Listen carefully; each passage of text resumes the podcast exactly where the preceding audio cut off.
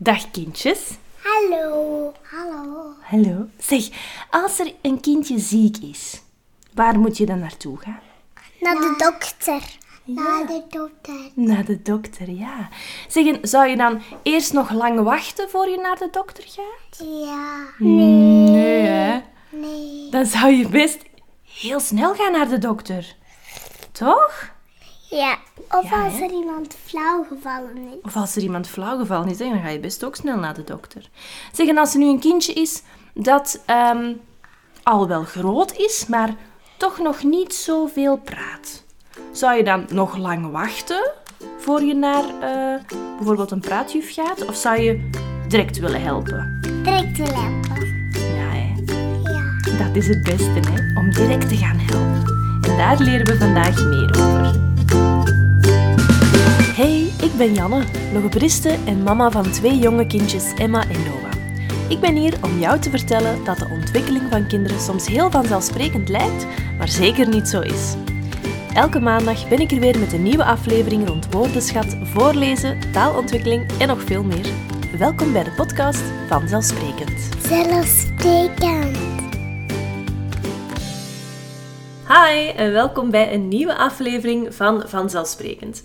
Ik was onlangs mijn DM's op Instagram aan het beantwoorden en ik kwam weer dezelfde vraag tegen. Nu, die vraag die komt vaak terug via Instagram, maar die komt evengoed terug via mail ehm, en dat is de volgende. Janne, mijn kindje is zoveel jaar en zegt nog heel weinig. Veel minder dan zijn broertje of zusje, veel minder dan leeftijdsgenootjes. En ehm, die leeftijd die vermeld wordt, kan echt verschillen. En dat, kan, dat kan 15 maanden zijn, dat kan 18 maanden zijn, 2 jaar, 3 jaar, tot zelfs af en toe 4 à 5 jaar. Nu, en dan gaat het berichtje verder met de kinderarts of de huisarts of kind en gezin, eender heeft gezegd om nog even af te wachten. Maar ik voel dat er toch wel iets is, dus wat zou jij doen? Heb je advies voor ons? Dus nu, voor ik heel met een uitleg begin, ehm, wil ik eventjes vermelden dat er heel, heel, heel veel artsen zijn die wel vroeg genoeg doorverwijzen en wel de juiste informatie meegeven. Super. Ehm, maar jammer genoeg zijn deze in de minderheid. Dus dit is een podcast voor zowel professionals als ouders om aan te tonen waarom het belangrijk is om, om door te verwijzen en niet af te wachten. Nu, er zijn eigenlijk heel wat redenen waarom er wordt gezegd: wacht nog even af. Ik heb een artikel gelezen van Nina Singleton, dat is een, eh, een artikel van 2018, dus nog, nog best recent.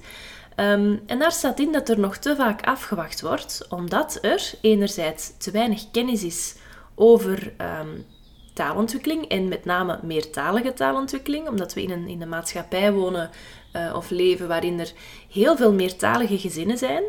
Ehm, en er is nog te weinig kennis over taalscreenings bij artsen. Dus de, taalscreenings, dat zijn de, de eerste tests die je heel snel kan afnemen om te kijken of je een grotere test moet afnemen. Hè. Denk bijvoorbeeld aan een, ehm, een klein onderzoekje voor je longen bij de huisarts, om dan doorverwezen te worden naar een longarts, eh, die dan een groter onderzoek doet. En dus er zijn ook taalscreenings voor zowel eentalige als meertalige kinderen. En die taalscreenings, ja, daar zijn nog iets te weinig. Er is nog iets te weinig kennis over bij eh, artsen.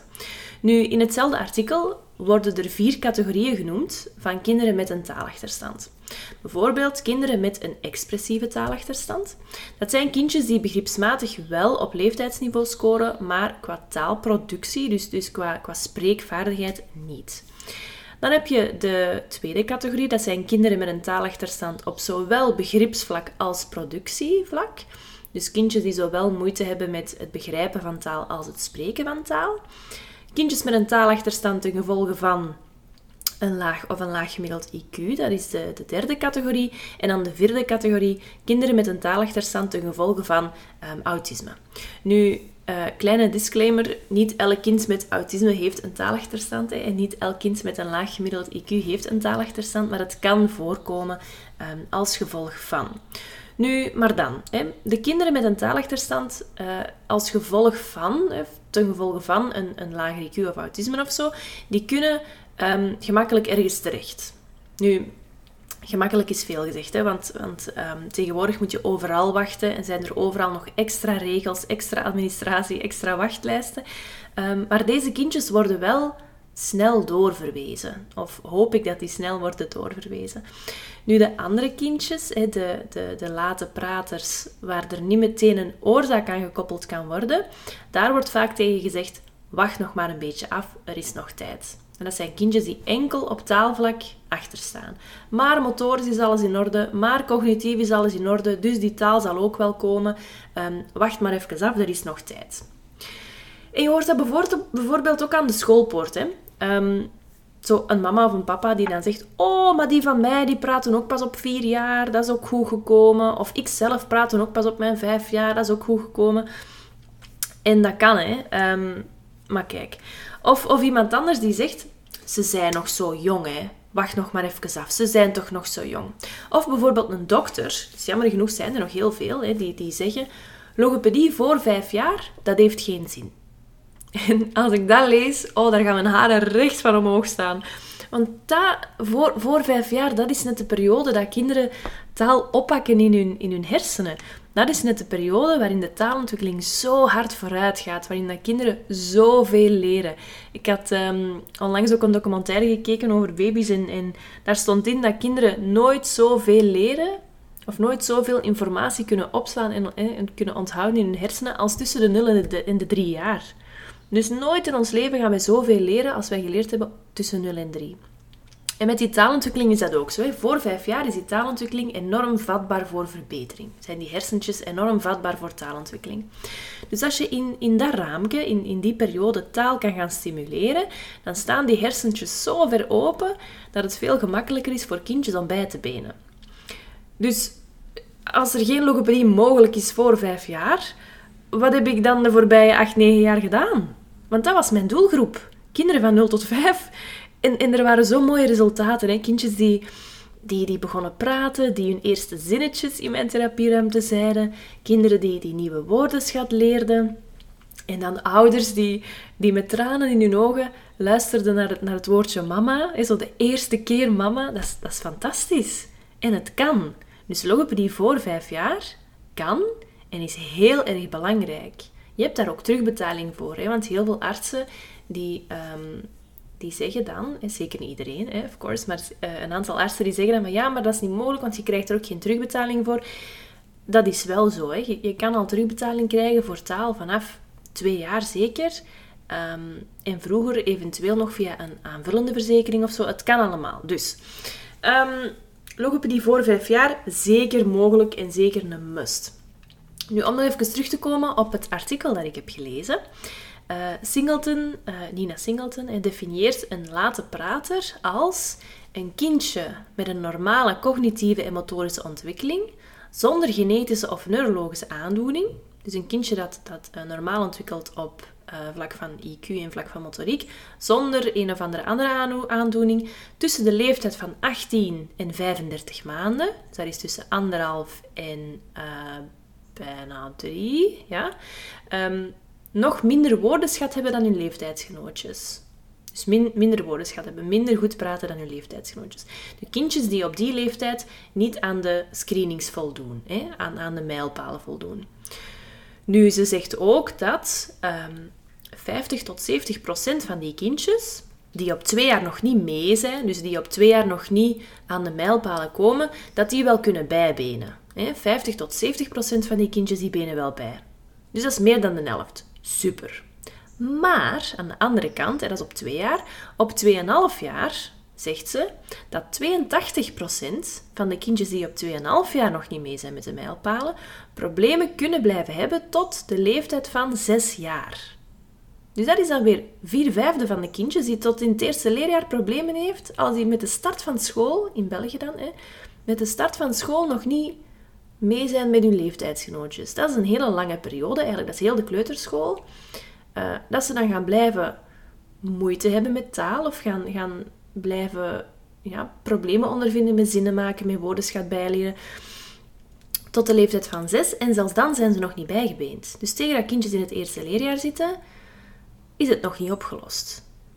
Dus dat is wel heel erg, vind ik. En heel erg veel en heel erg lang. Dus logopedie in de kleuterklas is echt noodzakelijk. Mocht je kindje daar nood aan hebben hè, bij de start van school. Nu, um, wanneer hebben kindjes een achterstand? ik ga elke enkele uh, mijlpalen meegeven. Bijvoorbeeld op 12 maanden zouden kindjes minstens één woord moeten kunnen zeggen. Nu, dit moet geen juist uitgesproken woord zijn of zo. Hè. Het is niet dat kindjes op, op 12 maanden al direct zo vliegtuig moeten kunnen zeggen. Eh, met een hele mooie L en een hele mooie G. Uh, dat hoeft niet. Dat mag ook echt gewoon zijn Tita, Tita. En dan naar de lucht wijzen. Tita, van vliegtuig. Dat mag ook. Dat is een woord en dat mag ook tellen als woord. Dus als je kind op 12 maanden één woordje zegt, mama, papa, boomba, tita, zoiets, um, dat is oké. Het mag ook een dierengeluid zijn bijvoorbeeld. En dat mag zelfs een gebaar zijn. Er zijn heel veel baby- en kindergebaren. Als je die toepast thuis, uh, dat telt ook als een woord.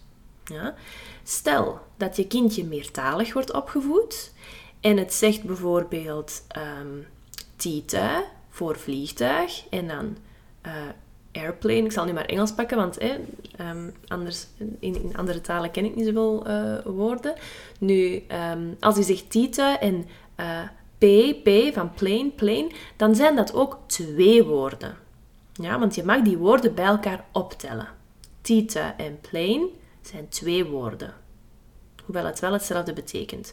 Dus als je kindje meertalig wordt opgevoed, mag je alle woorden optellen. Ja? Nu op 18 maanden, dus dat was op 12 maanden, op 18 maanden zijn dit minstens 10 woorden. Op 24 maanden, dus 2 jaar, zijn dit minstens 50 woorden. En op 2 jaar zouden ze ook beginnende zinnetjes moeten kunnen, zoals mama auto, papa koek, vliegtuig weg, zo, of, tita wij, hè, vliegtuig weg. Um, dus als je kind deze mijlpalen niet haalt, dan zou ik eventjes kijken naar, um, naar hulp of zo. Dus stel dat je dan uh, bij de kinderarts zit, of bij de huisarts, of bij kind en gezin of zo, en ze zeggen, wacht nog even af. Dan moet je belletje gaan rinkelen. En dan heb ik vier uh, antwoorden voor jou die je kan geven, zodat je toch sterk in je schoenen staat en toch doorverwezen kan worden. Nu, deze antwoorden kan je ook downloaden via de link in de beschrijving van deze aflevering. Um, en dat zal ook downloadbaar zijn via onze Instagram-pagina, uh, Taaltoren. Dus, eerste antwoord dat je kan geven als er een professional zegt: wacht nog maar even af, is: Hoewel ik uw expertise waardeer, zou ik graag spreken met iemand die hierin gespecialiseerd is. Welke opties heb ik daarvoor? Je moet dat niet zo zeggen, hè, dit is maar een voorbeeld, maar um, maak het je eigen. Hè. En, uh, en dat, dat, kan je zeggen. Hoewel ik uw expertise waardeer, zou ik graag spreken met iemand die hierin gespecialiseerd is. Welke opties heb ik daarvoor? Een tweede ding dat je kan zeggen is: Ik begrijp de voordelen van even afwachten niet goed. Is er een onderzoek dat die benadering bijstaat of staaft? Ik begrijp de voordelen van even afwachten niet goed. Is er een onderzoek dat die benadering staaft? Een derde repliek dat je kan geven, een derde antwoord dat je kan geven is: Ik voel mij niet zo goed bij het idee om af te wachten. Kan u mij misschien een lijst bezorgen met specialisten in de buurt? Ja, dat is nummer drie. Nummer vier is: Ik zou graag de spraak en taal van mijn kind thuis opvolgen. Heeft u misschien een lijst met mijlpalen die ik kan meekrijgen? Ja, oké. Dus download deze zinnen of schrijf ze op en, en gebruik ze als iemand u aanraadt om eventjes af te wachten en uw moederhart zegt op dat moment nee. Want jij bent de ouder, jij bent de expert van uw kind, jij voelt wanneer er iets niet goed zit. Heel vaak is uw mamagevoel, uw buikgevoel juist. Dus volg dat gevoel en ga verder op zoek. Dat betekent niet dat uw kinderarts geen goede kinderarts is, hè? Zeker niet. Maar er zijn er, er, is gewoon te weinig kennis over die, die vroege taalontwikkeling. En ik merk dat bij heel veel dokters. En ik, ik, elke keer als ik bij, bij een andere arts ben, dan probeer ik zo wat meer een uitleg te doen. En heel vaak zeggen ze van, oh, maar dat wist ik niet. Dus het is zeker niet dat, dat je dan een slechte kinderarts hebt. Hè. Absoluut niet. Er zijn er keihard kei goeie. Maar het is, het is puur niet genoeg kennis. Ehm, en het is ook moeilijk hè, om van alles, alles te weten. Dus kijk. Nu, um, dit, hè, het, het, de boodschap om af te wachten in de lange wachtlijsten en zo, dat is ook de grootste reden eigenlijk dat ik een oudercursus heb gemaakt rond de taalontwikkeling van peuters tussen 0 en 2,5. Nu, als je merkt dat je peuter toch wat trager ontwikkelt qua woordenschat dan zijn leeftijdsgenootjes, of je wilt gewoon graag voorbereid zijn voor wanneer, voor wanneer dat jouw kleintje eraan komt, dan is Peuterpraat, onze oudercursus, misschien wel iets voor jou. Dus je kan thuis gewoon aan de slag met tips en tricks van, van mezelf, van een logopediste. En je krijgt ook voorbeeldvideo's te zien van mijn eigen kindjes. Nu, um, alle tips die ik geef rond de taalontwikkeling in die cursus heb ik zelf toegepast. En, uh, en heb ik ook altijd meegegeven in mijn logopedische therapieën, uh, die ik tot voor kort uh, gaf. Nu, ik hoop dat de cursus iets is dat jou kan helpen als ouder, als je ergens op de wachtlijst staat, of als je zegt van ik wil thuis al aan de slag. Um, mocht je kindje wat, wat later ontwikkelen dan de andere. En samen kunnen we er dan voor gaan hè, om van jouw kindje een echte spraakwaterval te maken. Um, dus je vindt onze cursus Peuterpraat via onze website www.detaaltoren.academy en via onze Instagram, de Taaltoren. Nu, als je vragen hebt, het was een korte aflevering, ik ben al klaar eigenlijk. Als je vragen hebt, stel ze via podcast.detaaltoren.be of via social media op de Taaltoren. Ehm, ik ben altijd heel blij met vragen, want zo kan ik voor, voor de noden van, van ouders thuis kan ik een oplossing proberen bieden. Of kan ik, kan ik zoeken naar andere experts die oplossingen um, proberen te bieden. Dus ik ben altijd heel blij met vragen en ik probeer ook zo snel mogelijk te antwoorden. Bedankt voor het luisteren. Mocht je nog um, suggesties hebben over onderwerpen voor volgende podcast, mag je dat zeker ook mailen naar podcast.taaltoren.be. En ik uh, zie jou over twee weken. Bye! Zegt jouw kind nog geen woordjes? Nog geen zinnetjes? Heb je geen idee wat je kind moet kunnen op welke leeftijd of hoe je de taal thuis kan stimuleren? Dan is ons gratis webinar misschien iets voor jou. Bezoek onze website www.taaltoren.academy en bekijk ons gratis webinar De drie grootste struggles van ouders om een kind te leren praten en de oplossing hiervoor.